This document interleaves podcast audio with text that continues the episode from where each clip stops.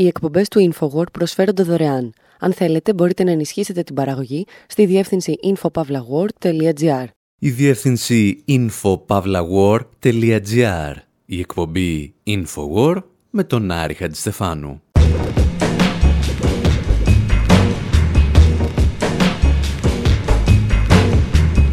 όπου σήμερα παρακολουθούμε από κοντά ένα από τα μεγαλύτερα οικονομικά πειράματα των τελευταίων δεκαετιών να εξελίσσεται σε μια χώρα έξι φορές μικρότερη από την Ελλάδα. Υποπτευόμαστε ότι στο Ελ Σαλβαδόρ ο νεοφιλελευθερισμός εισήλθε την πρώτη φορά με τις ερπίστριες και τη δεύτερη φορά σαν φάρσα με την εισαγωγή του κρυπτονομίσματος Bitcoin. Θεωρούμε ότι το διάσημο κρυπτονόμισμα έχει πολιτικά φρονήματα και είναι ακροδεξιά. Απορούμε λοιπόν γιατί το λατρεύουν ορισμένοι αυτοαποκαλούμενοι αριστεροί και αναρχικοί. Μια ιστορία που ξεκινά με ένα αληθινό αντάρτικο εναντίον του συστήματος και συνεχίζεται με το αντάρτικο του ίδιου του συστήματος.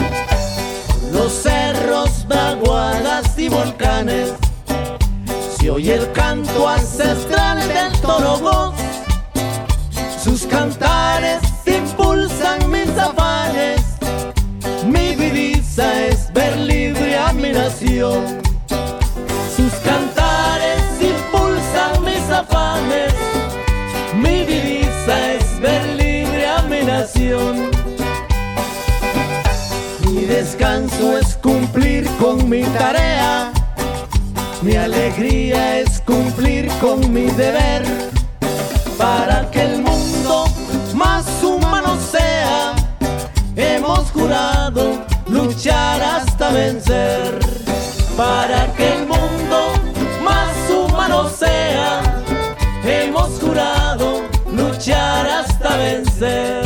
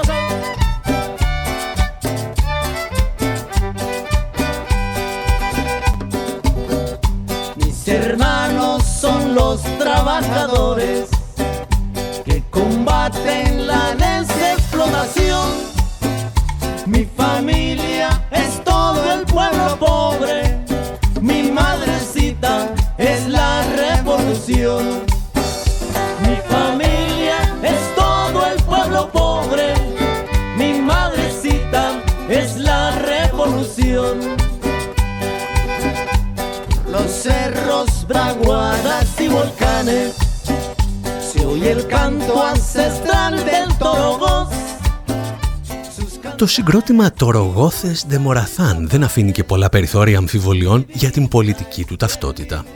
Οι αδελφοί μου λέει είναι οι εργάτες που μάχονται την εκμετάλλευση. Η οικογένειά μου είναι όλοι οι φτωχοί του κόσμου και μανούλα μου είναι η επανάσταση.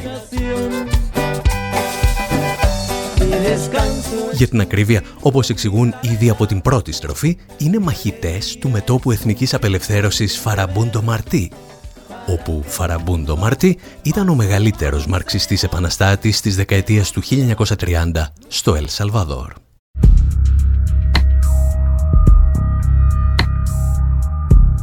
Το μέτωπο εθνικής απελευθέρωσης Φαραμπούντο Μαρτί είναι σήμερα ένα πολιτικό κόμμα στις αρχές της δεκαετίας του 80 όμως ήταν η ομπρέλα αντάρτικων οργανώσεων που συμμετείχαν στον εμφύλιο του Ελ Σαλβαδόρ. Ήταν το ένοπλο χέρι των αγροτών που για δεκαετίες έπεφταν θύματα τρομακτικής εκμετάλλευσης και σφάγων. Ήταν όμως παράλληλα και το Αντάρτικο που δημιουργήθηκε για να απαντήσει σε ένα ακόμη πραξικόπημα που στήριξαν οι Ηνωμένες Πολιτείες στην Κεντρική και τη Λατινική Αμερική. Τα έλεγε λίγα χρόνια νωρίτερα ο δημοσιογράφος Τζέρεμι Σκάχιλ, μιλώντας στο Democracy Now! Jimmy Carter emerged, even though he had campaigned uh, on, on a pledge to sort of confront uh, dictatorships and to respect human rights. Αν και έχει βασίσει την εκστρατεία του στην υπόσχεση να έρθει αντιμέτωπος με τις δικτατορίες και να σεβαστεί τα ανθρώπινα δικαιώματα, ο Τζίμι Κάρτερ έγινε ο βασικός υποστηρικτής του πραξικοπηματικού καθεστώτος που πήρε την εξουσία το 1979 στο Ελ Σαλβαδόρ. Η μετέπειτα δολοφονία διαδηλωτών από το καθεστώς ξεκίνησε τον εμφύλιο πόλεμο.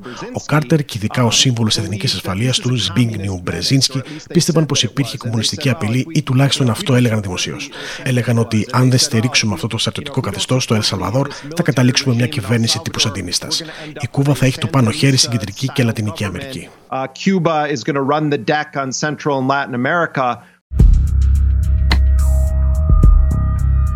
Το πραξικόπημα θα οδηγήσει τελικά στον εμφύλιο, στον οποίο ο στρατός που εκπαιδεύεται από τις Ηνωμένες Πολιτείες θα πραγματοποιήσει φρικαλαιότητες εναντίον των ανταρτών.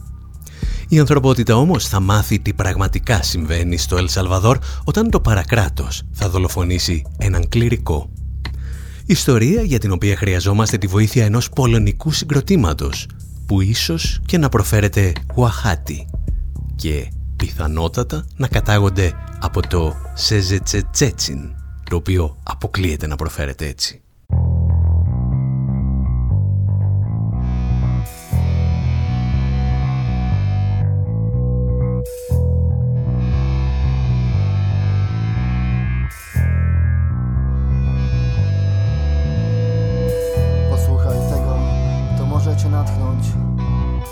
Słowo i myśl mogą zmienić świat. Trwa wielka sztuka, a ty możesz to pisać swój wers. Im później zaczniesz szukać, tym trudniej go znaleźć. Jeżeli myślisz, że jesteś zbyt mała, aby coś zmienić Spróbuj zasnąć z komarem, latającym nad duchem Jeżeli myślisz, że jesteś zbyt mały, by coś zmienić Spróbuj zasnąć z komarem, latającym nad duchem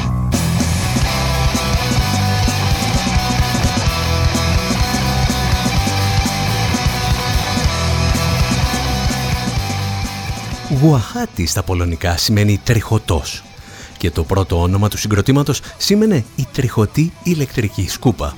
Αλλά όταν ορίμασαν καλλιτεχνικά, έκοψαν την ηλεκτρική σκούπα και κράτησαν το τριχωτή.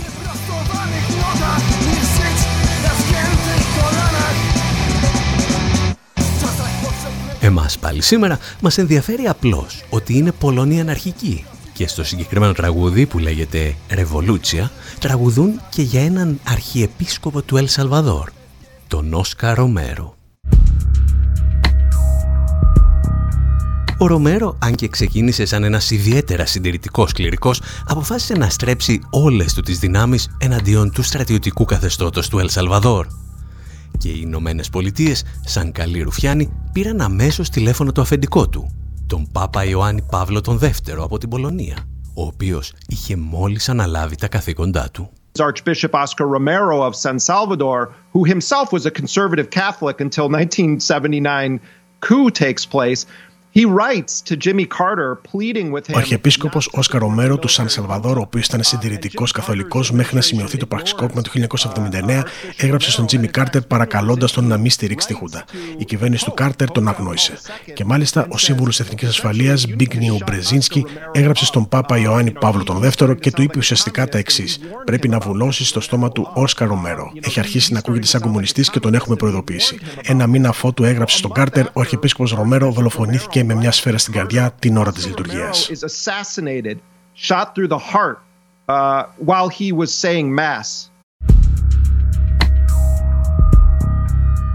Ο Οσκαρομέρο θα εκτελεστεί εμψυχρό μέσα στην εκκλησία του στο Σαν Σαλβαδόρ, αφού μόλις είχε πει τις παρακάτω κουβέντες. Yo quisiera hacer un llamamiento de manera especial a los hombres del ejército Θα ήθελα να κάνω μια ειδική έκκληση στους άντρες του στρατεύματος και πιο συγκεκριμένα στα μέλη της Εθνικής Φρουράς και της αστυνομίας, όσους είναι στους στρατώνες. Αδέρφια, προέρχεστε από τον ίδιο σας το λαό. Σκοτώνετε τους ίδιους σας τους αδερφούς και τις αδερφές. Πάνω από τη διαταγή του ανθρώπου να σκοτώσεις, υπερισχύει εντολή του Θεού. Ου φωνεύσεις. la ley de Dios que dice no matar.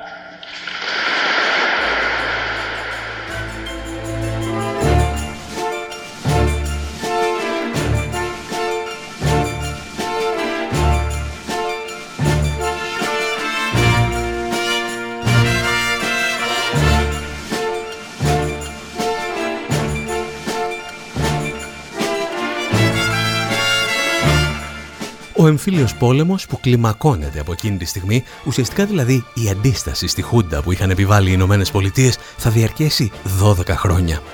Στην πορεία του θα σημειωθούν ορισμένες από τις πιο φρικτές φαγές αμάχων και ανταρτών από στρατιωτικούς οι οποίοι εκπαιδεύονται στο λεγόμενο School of the Americas, τη λεγόμενη Σχολή των Δικτατόρων που λειτουργούσε για δεκαετίες στις Ηνωμένες Πολιτείες. Από το 1980 τον έλεγχο από την πλευρά της Ουάσιγκτον δεν έχει πλέον ο πρόεδρος Κάρτερ, αλλά ο Ρόναλτ Ρίγκαν, ο οποίος εκτός από τις φαγές βάζει την υπογραφή του και για την επιβολή στη χώρα ενός σκληρού νεοφιλελεύθερου μοντέλου. Ό,τι είχε δοκιμάσει ο Νίξον δηλαδή πειραματικά στη Χιλή, επιβάλλεται τώρα με πολύ μεγαλύτερη προσοχή από τον Ρίγκαν. Το αποτέλεσμα της ανθρωποσφαγής αλλά και της οικονομικής σφαγής είναι ακόμη και σήμερα ορατό σε κάθε γωνιά της χώρας. Και καθώς μιλάμε για νεοφιλελευθερισμό, επιστρέφει και σαν φάρσα μέσω του Προέδρου Νατζίπ Μπουκέλε. Περισσότερα γι' αυτόν όμως θα μας πούν οι τροβαδούροι του.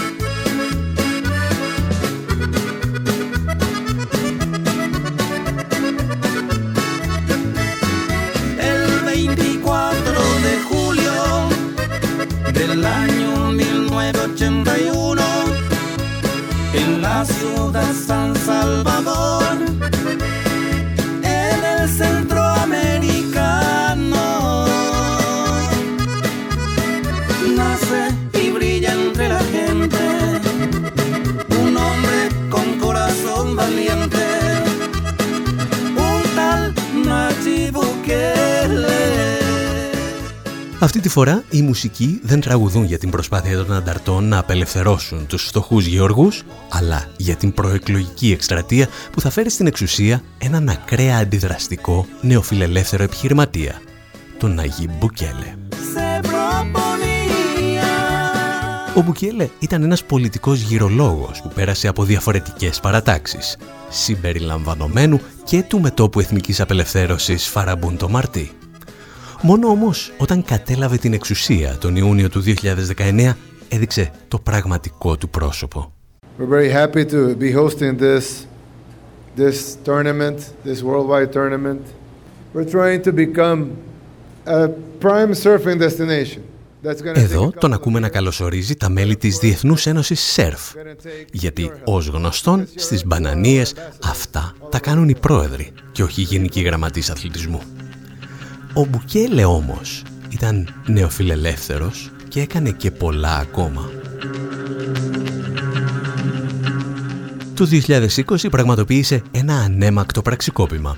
Έστειλε 40 πάνωπλους στρατιώτες μέσα στο κοινοβούλιο για να είναι σίγουρος ότι οι βουλευτές θα εγκρίνουν τη νέα δανειακή σύμβαση με τις Ηνωμένες Πολιτείες. Ο Μπουκέλε χαρακτηρίζει το δικαίωμα των γυναικών στις αμβλώσεις σαν γενοκτονία. Πιστεύει μάλιστα ότι δεν πρέπει να κάνουν ακόμη και αν είναι θύματα βιασμού ή αν κινδυνεύει άμεσα η ζωή τους. Οι συνεργάτες του κατηγορούνται ότι χρησιμοποίησαν την πανδημία για να πλουτίσουν. Και ο ίδιος απέλασε τους διπλωμάτες της Βενεζουέλας σαν ένδειξη συμπαράστασης στον επίδοξο πραξικοπηματία Χουάν Γκουαϊδό. Η πράξη όμως για την οποία πιθανότατα θα μείνει στην ιστορία είναι ότι επέτρεψε την κυκλοφορία του κρυπτονομίσματος Bitcoin ως δεύτερου νομίσματος της χώρας. Este día queremos llegar a la intimidad de sus casas o a sus celulares, a sus tablets en esta cadena nacional para hablar un poco sobre la ley Bitcoin y cómo va a beneficiar a los salvadoreños. Ο Μπουκέλε ανακοίνωσε την εισαγωγή του νομίσματος αφού είχε δώσει ελάχιστη διορία λίγων μηνών στην εθνική οικονομία να προετοιμαστεί για την αλλαγή. Και όπως όλοι ανέμεναν, όλα, μα όλα πήγαν στραβά. Το ψηφιακό πορτοφόλι που δημιούργησε ο πρόεδρος κράσαρε την πρώτη ημέρα λειτουργίας του. Την ίδια ημέρα η τιμή του bitcoin βούτυξε στο κενό, σημειώνοντας τις μεγαλύτερες απώλειες των τελευταίων μηνών. Και έτσι, σύμφωνα με την αντιπολίτευση, το El Salvador, μία από τις φτωχότερες χώρες του κόσμου, έχασε σε λιγότερο από μία ημέρα 3 εκατομμύρια δολάρια. Στους δρόμους ξέσπασαν ταραχές, καθώς χιλιάδες άνθρωποι κατέβηκαν να διαδηλώσουν εναντίον του νέου νομίσματος. Και οι οικονομικοί αναλυτές σε όλο τον κόσμο έξιναν το κεφάλι τους παρακολουθώντας ένα από τα πιο κακοστημένα πειράματα εισαγωγής νέου νομίσματος στην παγκόσμια ιστορία. Προφανώς η αξία και η λειτουργία ενός νομίσματος δεν μπορεί να κρυθεί σε μια χώρα σαν το Ελ Σαλβαδόρ. Οι υποστηρικτές των κρυπτονομισμάτων μάλιστα θα μας κατηγορήσουν και για κάτι άλλο, ότι χρησιμοποιούμε επιχειρήματα ad hominem, στρεφόμαστε δηλαδή εναντίον του ακροδεξιού προέδρου για να χτυπήσουμε μέσω αυτού το bitcoin. Εμείς πάλι, στο δεύτερο μέρος της εκπομπής, θα υποστηρίξουμε ότι η άκρα δεξιά και ο νεοφιλελευθερισμός βρίσκονται στο DNA των κρυπτονομισμάτων.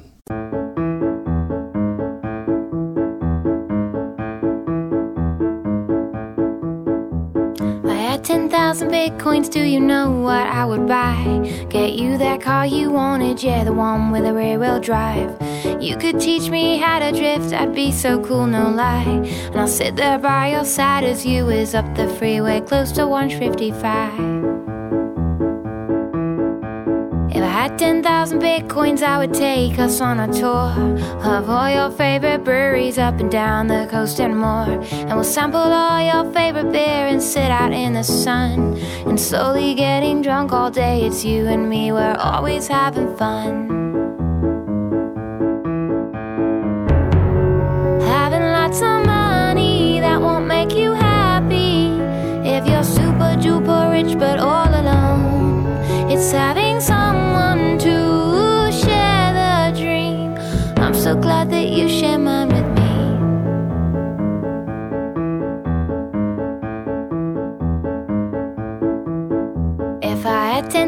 Bitcoin, I would pay for you to fly. So you could get your license to soar up into the sky. On a private plane, so we could disappear at any time. We'll take a trip to Catalina Island or even to Hawaii. Having lots of money that won't make you happy. If you're super duper rich but all alone. It's having someone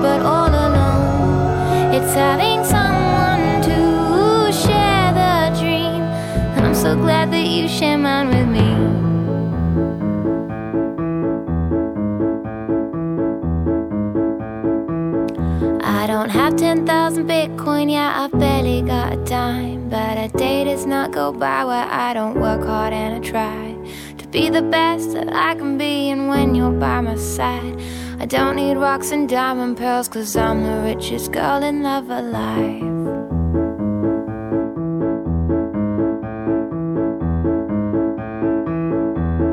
Money, money, I like money. It's fun when we've got some money. BTC, EMT, Cox, I'll keep on trading and I'll never stop.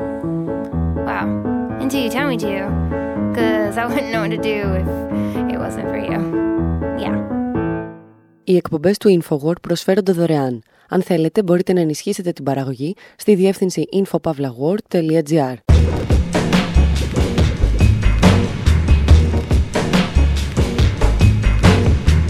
όπου σήμερα συζητάμε για κρυπτονομίσματα με αφορμή την απόφαση του Πρόεδρου του Ελ Σαλβαδόρ να υιοθετήσει το bitcoin σαν νόμιμο χρήμα στη χώρα του.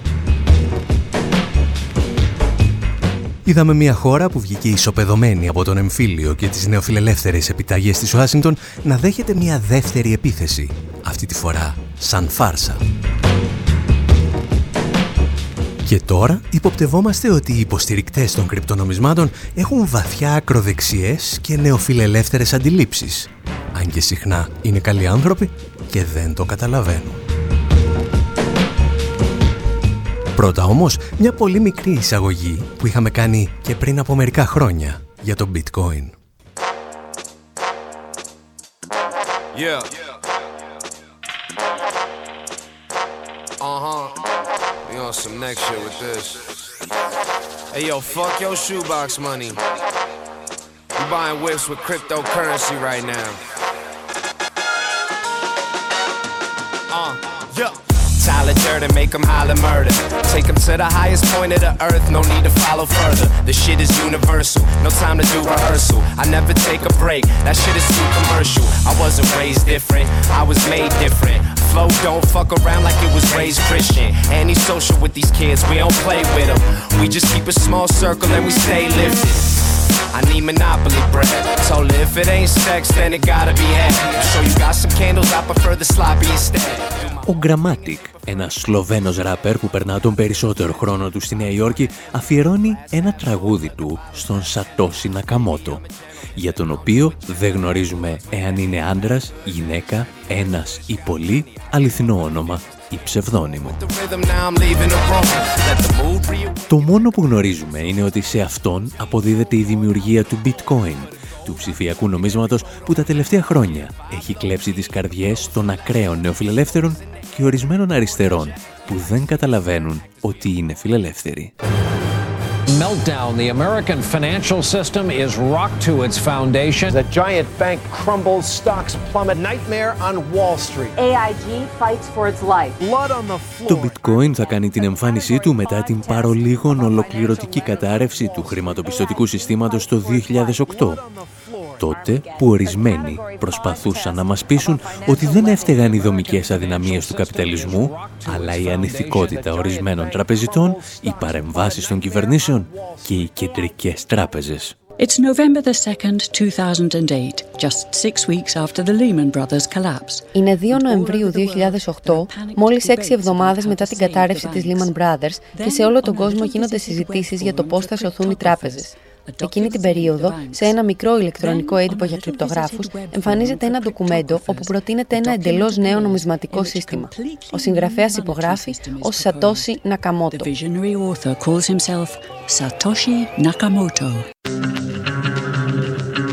Εάν λοιπόν, είπαν οι θειασότες του νέου νομίσματος, είχαμε το bitcoin το οποίο δεν ελέγχεται από όλους αυτούς που μας έφεραν στην καταστροφή, αλλά παράγεται αποκεντρωμένα από τους πολίτες, θα γλιτώναμε τις κρίσεις και θα ζούσαμε εμείς καλά και αυτοί εξίσου καλά. Και έτσι κάποιοι άρχισαν να αναζητούν το δικό τους Ελντοράντο στο δημιούργημα του Σατόση Νακαμότο. And there's plenty of room for all. Well, Satoshi Nakamoto, that's a name I love to say. And we don't know much about him, but he came to save the day. When he wrote about the way things are and the way things ought to be, he gave us all a protocol this world had never seen. Oh, Bitcoin, as you're going into the old blockchain. Oh, Bitcoin, I know you're going to rain, gonna rain. Till everybody knows, everybody knows, till everybody knows your name. Έκτοτε η αξία του bitcoin ανεβαίνει με ασύλληπτους ρυθμούς, αν και κατά διαστήματα καταποντίζεται σαν roller coaster. Και τότε, ορισμένοι οικονομολόγοι όπως ο νομπελίστας Ρόμπερτ Σίλερ είπαν το αυτονόητο, ότι το bitcoin είναι μια φούσκα, έτοιμη να σκάσει.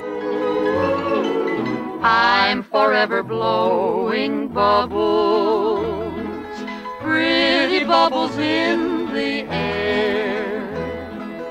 They fly so high, nearly reach the sky. Then, like my dreams, they fade and die. Όπως γνωρίζει κάθε οικονομολόγος που σέβεται τον εαυτό του, κάθε νόμισμα για να λειτουργεί ως χρήμα πρέπει να πληρεί τουλάχιστον τρεις βασικές προϋποθέσεις να επιτρέπει τη μέτρηση αξιών, να είναι ασφαλές μέσω αποθυσαυρισμού και να αποτελεί αξιόπιστο μέσο συναλλαγής. Ας δούμε καταρχήν το πρώτο χαρακτηριστικό. Τι σημαίνει δηλαδή ότι ένα νόμισμα είναι μέσο για την μέτρηση αξιών. Το νόμισμα είναι μέτρο της αξίας άλλων προϊόντων. Για να το πετύχει όμως αυτό πρέπει να συνδέεται και αυτό με τη σειρά του με κάποιο προϊόν που να έχει πραγματική αξία. Παλαιότερα τα χαρτονομίσματα και τα κέρματα στην κυκλοφορία καλύπτονταν από το χρυσό που διέθετε μια χώρα. Επειδή όμως, όπως θα δούμε, αυτό ήταν πρακτικά αδύνατο να συνεχιστεί, την αξία του νομίσματος άρχισαν να την εγγυώνται τα κράτη, ανάλογα με την ισχύ της εθνικής τους οικονομίας. Σε κάποιες περιπτώσεις μάλιστα, όταν η οικονομική τους ισχύ κατέρε, μπορούσαν για ένα διάστημα να εγγυώνται το χαρτονόμισμά τους με τα όπλα τους. Περίπου δηλαδή αυτό που κάνουν οι Ηνωμένες Πολιτείες τα τελευταία χρόνια. Όλα αυτά τα συνόψισε με εξαιρετικό τρόπο ο νομπελίστας οικονομολόγος Πολ Κρούγκμαν σε παλαιότερες δηλώσεις του σε μία φράση. Τα νομίσματα καλύπτονται από ανθρώπους με όπλα, ενώ το bitcoin όχι. Γιατί λοιπόν αυτό το πράγμα να έχει οποιαδήποτε αξία;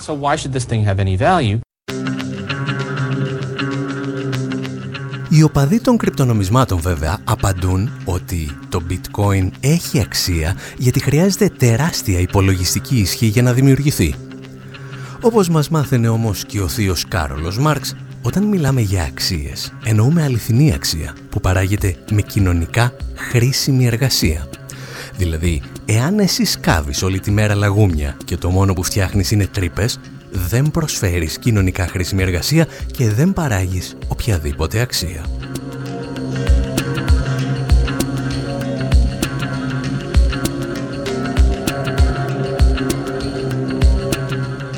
Και εδώ έρχεται ένα άλλο επιχείρημα. Το bitcoin λένε έχει όριο στα πόσα νομίσματα μπορούν να παραχθούν και αυτό εξασφαλίζει την αξία και την σταθερότητά του. Αφήνουμε να απαντήσει σε αυτό ο καθηγητής David Columbia από το Πανεπιστήμιο της Βιρτζίνια. One of the reasons the Bitcoin the blockchain becomes more difficult as it becomes more difficult to mine for Bitcoin as time goes on is because ένας από τους λόγους που όσο περνά ο καιρός γίνεται πιο δύσκολο να φτιάξει νέα bitcoin είναι διότι ο αριθμός που μπορεί να παραχθεί είναι περιορισμένο στα 21 εκατομμύρια. Ισχυρίζονται ότι δημιούργησαν αυτόν τον περιορισμό διότι το δολάριο είναι ασταθές και ο πληθωρισμός κλέβει αξία από τους απλούς ανθρώπους με ένα πολύ άμεσο τρόπο. Για να αντιμετωπίσουν αυτό το πρόβλημα, λένε ότι χρειάζονταν ένα πολύ σκληρό νόμισμα, το οποίο ο αριθμός σε κυκλοφορία δεν αλλάζει. Όπως συμβαίνει και με το χρυσό. Πρόκειται για την ιδέα ότι αν έχεις περιορισμένο αριθμό από ένα πράγμα, αυτό καθορίζει πόσο πρόκειται να αξίζει. Αν όμως εξετάσει κανεί στην ιστορία του χρυσού, θα δει ότι αυτό δεν είναι αληθές. Ο χρυσός έχει ανέβει και έχει πέσει σε αξία για μια σειρά από διαφορετικούς λόγους. Το να έχεις έναν ορισμένο αριθμό δεν προκαλεί αυτό που οι άνθρωποι ισχυρίζονται ότι προκαλεί.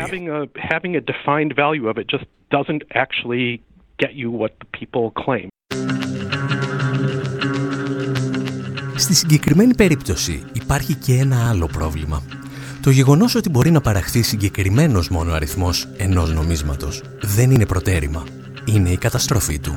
Γιατί, όπως εξηγούσε και πάλι ο Μάρξ, το χρήμα είναι εν τέλει κοινωνική σχέση. Η κυκλοφορία του χρήματος, έλεγε ο Μάρξ, εξαρτάται από την κυκλοφορία των εμπορευμάτων. Συγκεκριμένα, όσο μεγαλύτερη ποσότητα εμπορευμάτων πουλιέται και όσο υψηλότερη είναι η τιμή τους, τόσο περισσότερο χρήμα απαιτείται στην οικονομία. Εάν μειώνεται η παραγωγή, πρέπει να μειώσεις και την κυκλοφορία του χρήματος. Το αν θα το κάνεις βέβαια είναι μια άλλη πολιτική επιλογή. Το ζήτημα είναι να μπορείς να το κάνεις.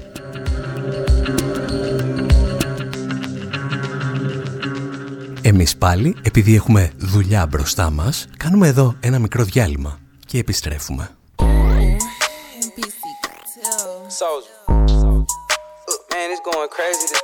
Man,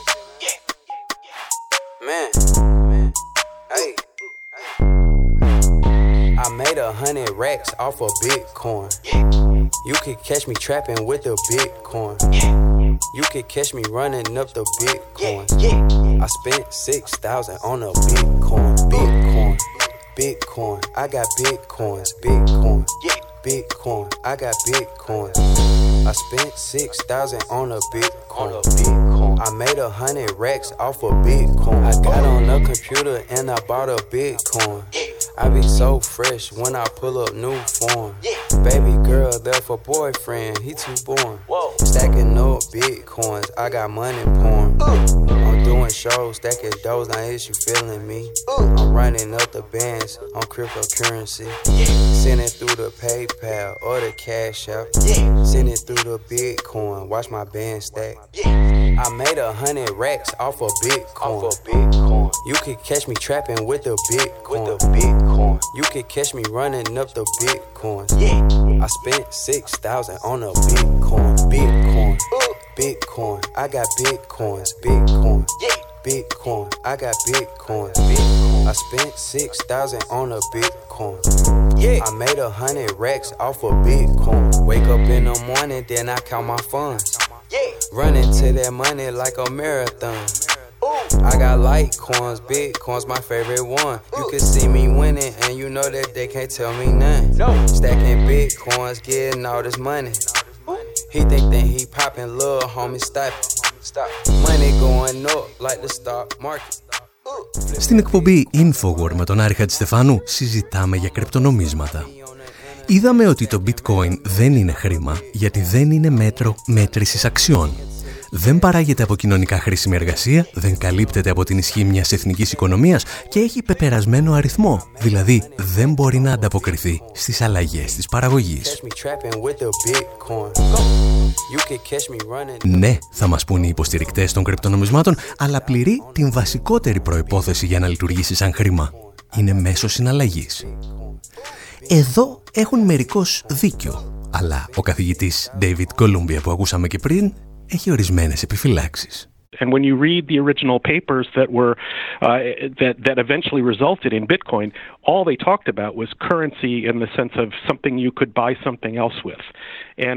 Όταν διαβάζει κανείς τις αρχικές εργασίες που οδήγησαν στη δημιουργία του Bitcoin, το μόνο που συζητούσαν ήταν η δημιουργία ενός νομίσματος. Δηλαδή ένα πράγμα με το οποίο μπορείς να αγοράσεις κάτι άλλο. Όταν η αξία του Bitcoin εκτοξεύτηκε για πρώτη φορά, κάποιοι άρχισαν να του δίνουν σημασία διότι χρησιμοποιούταν για την αγορά αντικειμένων στο λεγόμενο Dark Web. Το Bitcoin χρησιμοποιούταν στο πιο διαβόητο σούπερ μάρκετ ναρκωτικών στο Dark Web που ονομάζεται Silk Road. Για καιρό υπήρχε πολύ τέτοια χρήση του Bitcoin ως νόμισμα, αλλά αυτή η χρήση έχει πλέον μειωθεί.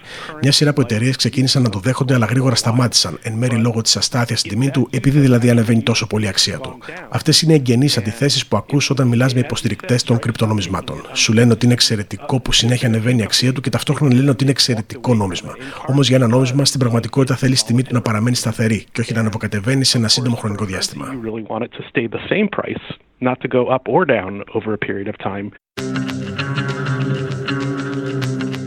Ο Κολούμπια θίγει δύο ζητήματα. Πρώτον, ότι το bitcoin χρησιμοποιήθηκε πολύ από το οργανωμένο και λιγότερο οργανωμένο έγκλημα για μεταφορά κεφαλαίων. Αυτή η παρατήρηση είναι ακριβής, δεν βρίσκεται όμως στην ουσία του ζητήματος. Το βασικό επιχείρημα είναι ότι ένα νόμισμα που βλέπει την τιμή του να εκτοξεύεται είναι ίσως εξαιρετικό για να τζογάρεις και να κερδοσκοπείς. Όχι όμως για να αγοράζεις προϊόντα. Το νόμισμα στο οποίο παίρνεις το μισθό σου και τη σύνταξή σου για να αγοράσεις ψωμί και γάλα θέλεις να είναι σταθερό. Αν η αξία του αλλάζει συνεχώς, έχει αποτύχει. Ακόμη και αν αυξάνεται. Παρεπιπτόντος, με το ίδιο επιχείρημα καταρρύπτεται και ο τρίτος κανόνας που θα έπρεπε να πληρεί ένα κρυπτονόμισμα για να λειτουργεί σαν χρήμα. Να αποτελεί ασφαλές μέσο αποθυσαυρισμού. Το bitcoin δεν τα καταφέρνει ούτε εκεί.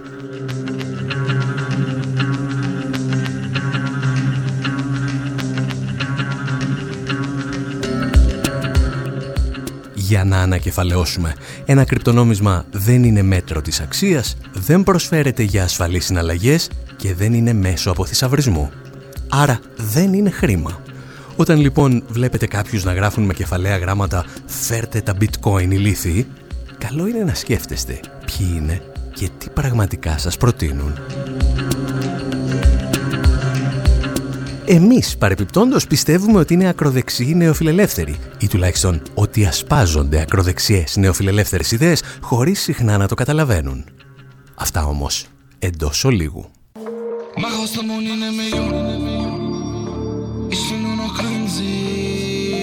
mir eine Insel in der Südsee.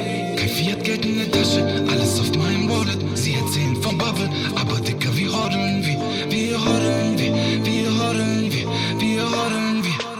Machen den nie zur Million. Frau schüttelt mit dass ich krank bin. Denn ich chill im Teamspeak. Der Fork ist grad im Gange. Nachts um vier aufstehen für die nächste Landing ICO. Verschlafen nachschauen auf Blockfolio. Was ist bloß mit Iota los? Win Limbo, wenn der Kinn durch die Decke geht. Hater drehen sich nur im Kreis wie der Drache von Dragon Chain. Coin Money, Dicker. Ich brauch nicht zu rappen. Fans warten vor dem Haus. I'll be down in a second, second. Morgens erstmal Kurse checken, auf die Kurve wetten, über Nacht noch reicher werden, ohne Rappen. Die Opfer sagen, dass sie Kohle hätten. Stimmt, dieses Papier kannst du bald nur noch in den Ofen stecken. Wir reden jetzt nur noch auf Coin-Basis, beim Toy tat es.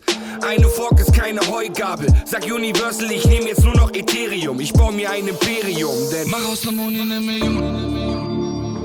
Ich will nur noch Οι Γερμανοί ράπερ Σίντο και Σάβας τραγουδούν για κρυπτονομίσματα και για cypherpunk.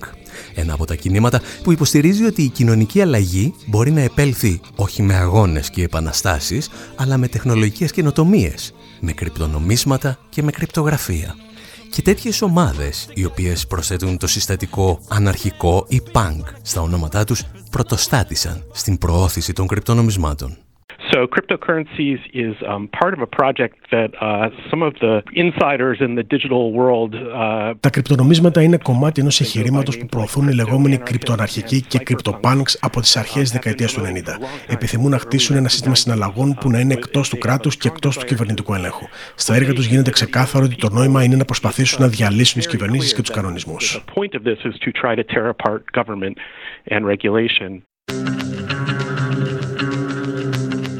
Το πρόβλημά μας εδώ δεν είναι ότι κάποιοι επιχειρούν να καταργήσουν το κράτος. Είναι ποιος το επιχειρεί και γιατί. Ένα βασικό επιχείρημα των υποστηρικτών των κρυπτονομισμάτων είναι ότι με τα νομίσματά τους θα παρακάμψουν τους κακούς κεντρικούς τραπεζίτες. Μόνο που εκεί αρχίζουν να φλερτάρουν με τις χειρότερες θεωρίες συνωμοσίας. There are many, many reasons to criticize the way the Federal Reserve manages dollars and the way the Federal Reserve works and the way. Υπάρχουν πολλοί λόγοι για να κριτικάρει τον τρόπο που η Ομοσπονδιακή Τράπεζα διαχειρίζεται το δολάριο αλλά και τον τρόπο που λειτουργούν γενικά οι τράπεζες. Όμως το λογισμικό του Bitcoin είναι βασισμένο σε μια κριτική αυτών των θεσμών που για μένα είναι σταθρή. Στο δημόσιο διάλογο στις ΗΠΑ για τις κεντρικές τράπεζες έγιναν δημοφιλείς θεωρίες συνωμοσίας. Εκεί παρουσιάζουν την κεντρική τράπεζα ως διεφθαρμένους τραπεζίτες που χειραγωγούν την τιμή του δολαρίου για να γεμίσουν κυριολεκτικά μόνο τις δικές τους τσέπες. Who are manipulating the price of the dollar in order literally to line their own pockets. Οι συνωμοσιολογικές επιθέσεις στις κεντρικές τράπεζες έχουν τις ρίζες τους στην Αμερική του 19ου αιώνα και συχνά ήταν και άκρος αντισημιτικές. Κάποιοι φαντάζονταν σκοτεινές αίθουσες όπου μασόνοι και εβραίοι τραπεζίτες με γαμψές μύτες καθόριζαν την πορεία του κόσμου. Οι κεντρικοί τραπεζίτες ίσως να καθορίζουν την πορεία του κόσμου. Το έκαναν όμως για λογαριασμό ενός ευρύτερου συστήματος που λέγεται καπιταλισμός. Ήταν τα εργαλεία του και όχι οι κρυφοί ηγεμόνες του. Και ύστερα, τις τελευταίες δεκαετίες, οι συνωμοσιολόγοι άρχισαν να χάνουν τη σημαντικότερη εξέλιξη. Ότι οι κεντρικές τράπεζες σταμάτησαν να βρίσκονται υπό τον έλεγχο των κακών κυβερνήσεων και των κρατών, όπου έστω και θεωρητικά υπήρχε δημοκρατικός έλεγχος. Οι κεντρικές τράπεζες έγιναν ανεξάρτητες, πέρασαν δηλαδή στον έλεγχο των δυνάμεων της αγοράς. Και αυτό που ζητούσαν τώρα στην ουσία οι οπαδοί των κρυπτονομισμάτων δεν ήταν λιγότερο κράτος, αλλά λιγότερο έλεγχο του χρηματοπιστωτικού συστήματος. The people who promote these views just tend to be very far to the right. Um, I think a little bit less extreme, but still of real concern, is the anti-government Οι άνθρωποι που προωθούν αυτές τις απόψεις τείνουν να είναι ακραία δεξιοί. Λιγότερο ακραία, αλλά εντός της ανησυχητική, είναι αντικυβερνητική προκατάληψη που είναι εμφανής στην κοινότητα του Bitcoin. Όταν όμως η κοινότητα του Bitcoin μιλά για αποκέντρωση ή για την εξαφάνιση των μεσαζόντων ή για την απάλληψη κανονισμών, στην πραγματικότητα μιλούν για το κράτος. Για το πόσο κακό είναι το κράτος και για το πώς υπάρχει μονάχα για να ωφελεί τους τραπεζίτες. Η λύση τους είναι να το ξεφορτωθούν. Αυτό έλεγαν όμως και οι Ριποπλικάνοι το 2008, όπου είχαμε μια κρίση που δημιουργήθηκε από την έλλειψη κανονισμών και η λύση που πρότειναν ήταν ακόμα περισσότερη έλλειψη κανονισμών. Αντί για περισσότερη ρύθμιση, που πιστεύω θα ήταν ένας τρόπος να αποφευχθεί μια τέτοια κρίση.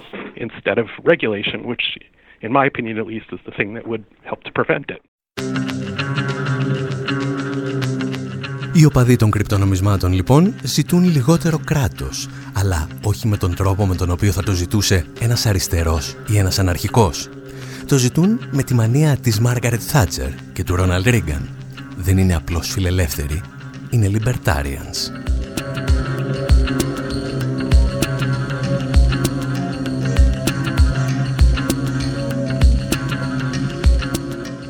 Ύστερα και από αυτή την προσπάθεια να χάσουμε ένα ακόμη τμήμα του ακροατηρίου μας, λέμε να σας αφήσουμε και για αυτή την εβδομάδα. Κείμενα και παλιότερες εκπομπές για τα κρυπτονομίσματα θα βρείτε στη διεύθυνση info.pavlawar.gr Όσο για τα ηχητικά του καθηγητή David Columbia που ακούσατε, προέρχονται από συνέντευξή του στο podcast Majority Report. Μέχρι την επόμενη εβδομάδα, από τον Άρη Χατζηστεφάνου στο μικρόφωνο, τον Αντρέα Κοσιάρη σε έρευνα και μεταφράσεις και τον Δημήτρη Σαθόπουλο στην τεχνική επιμέλεια, γεια σας και χαρά σας.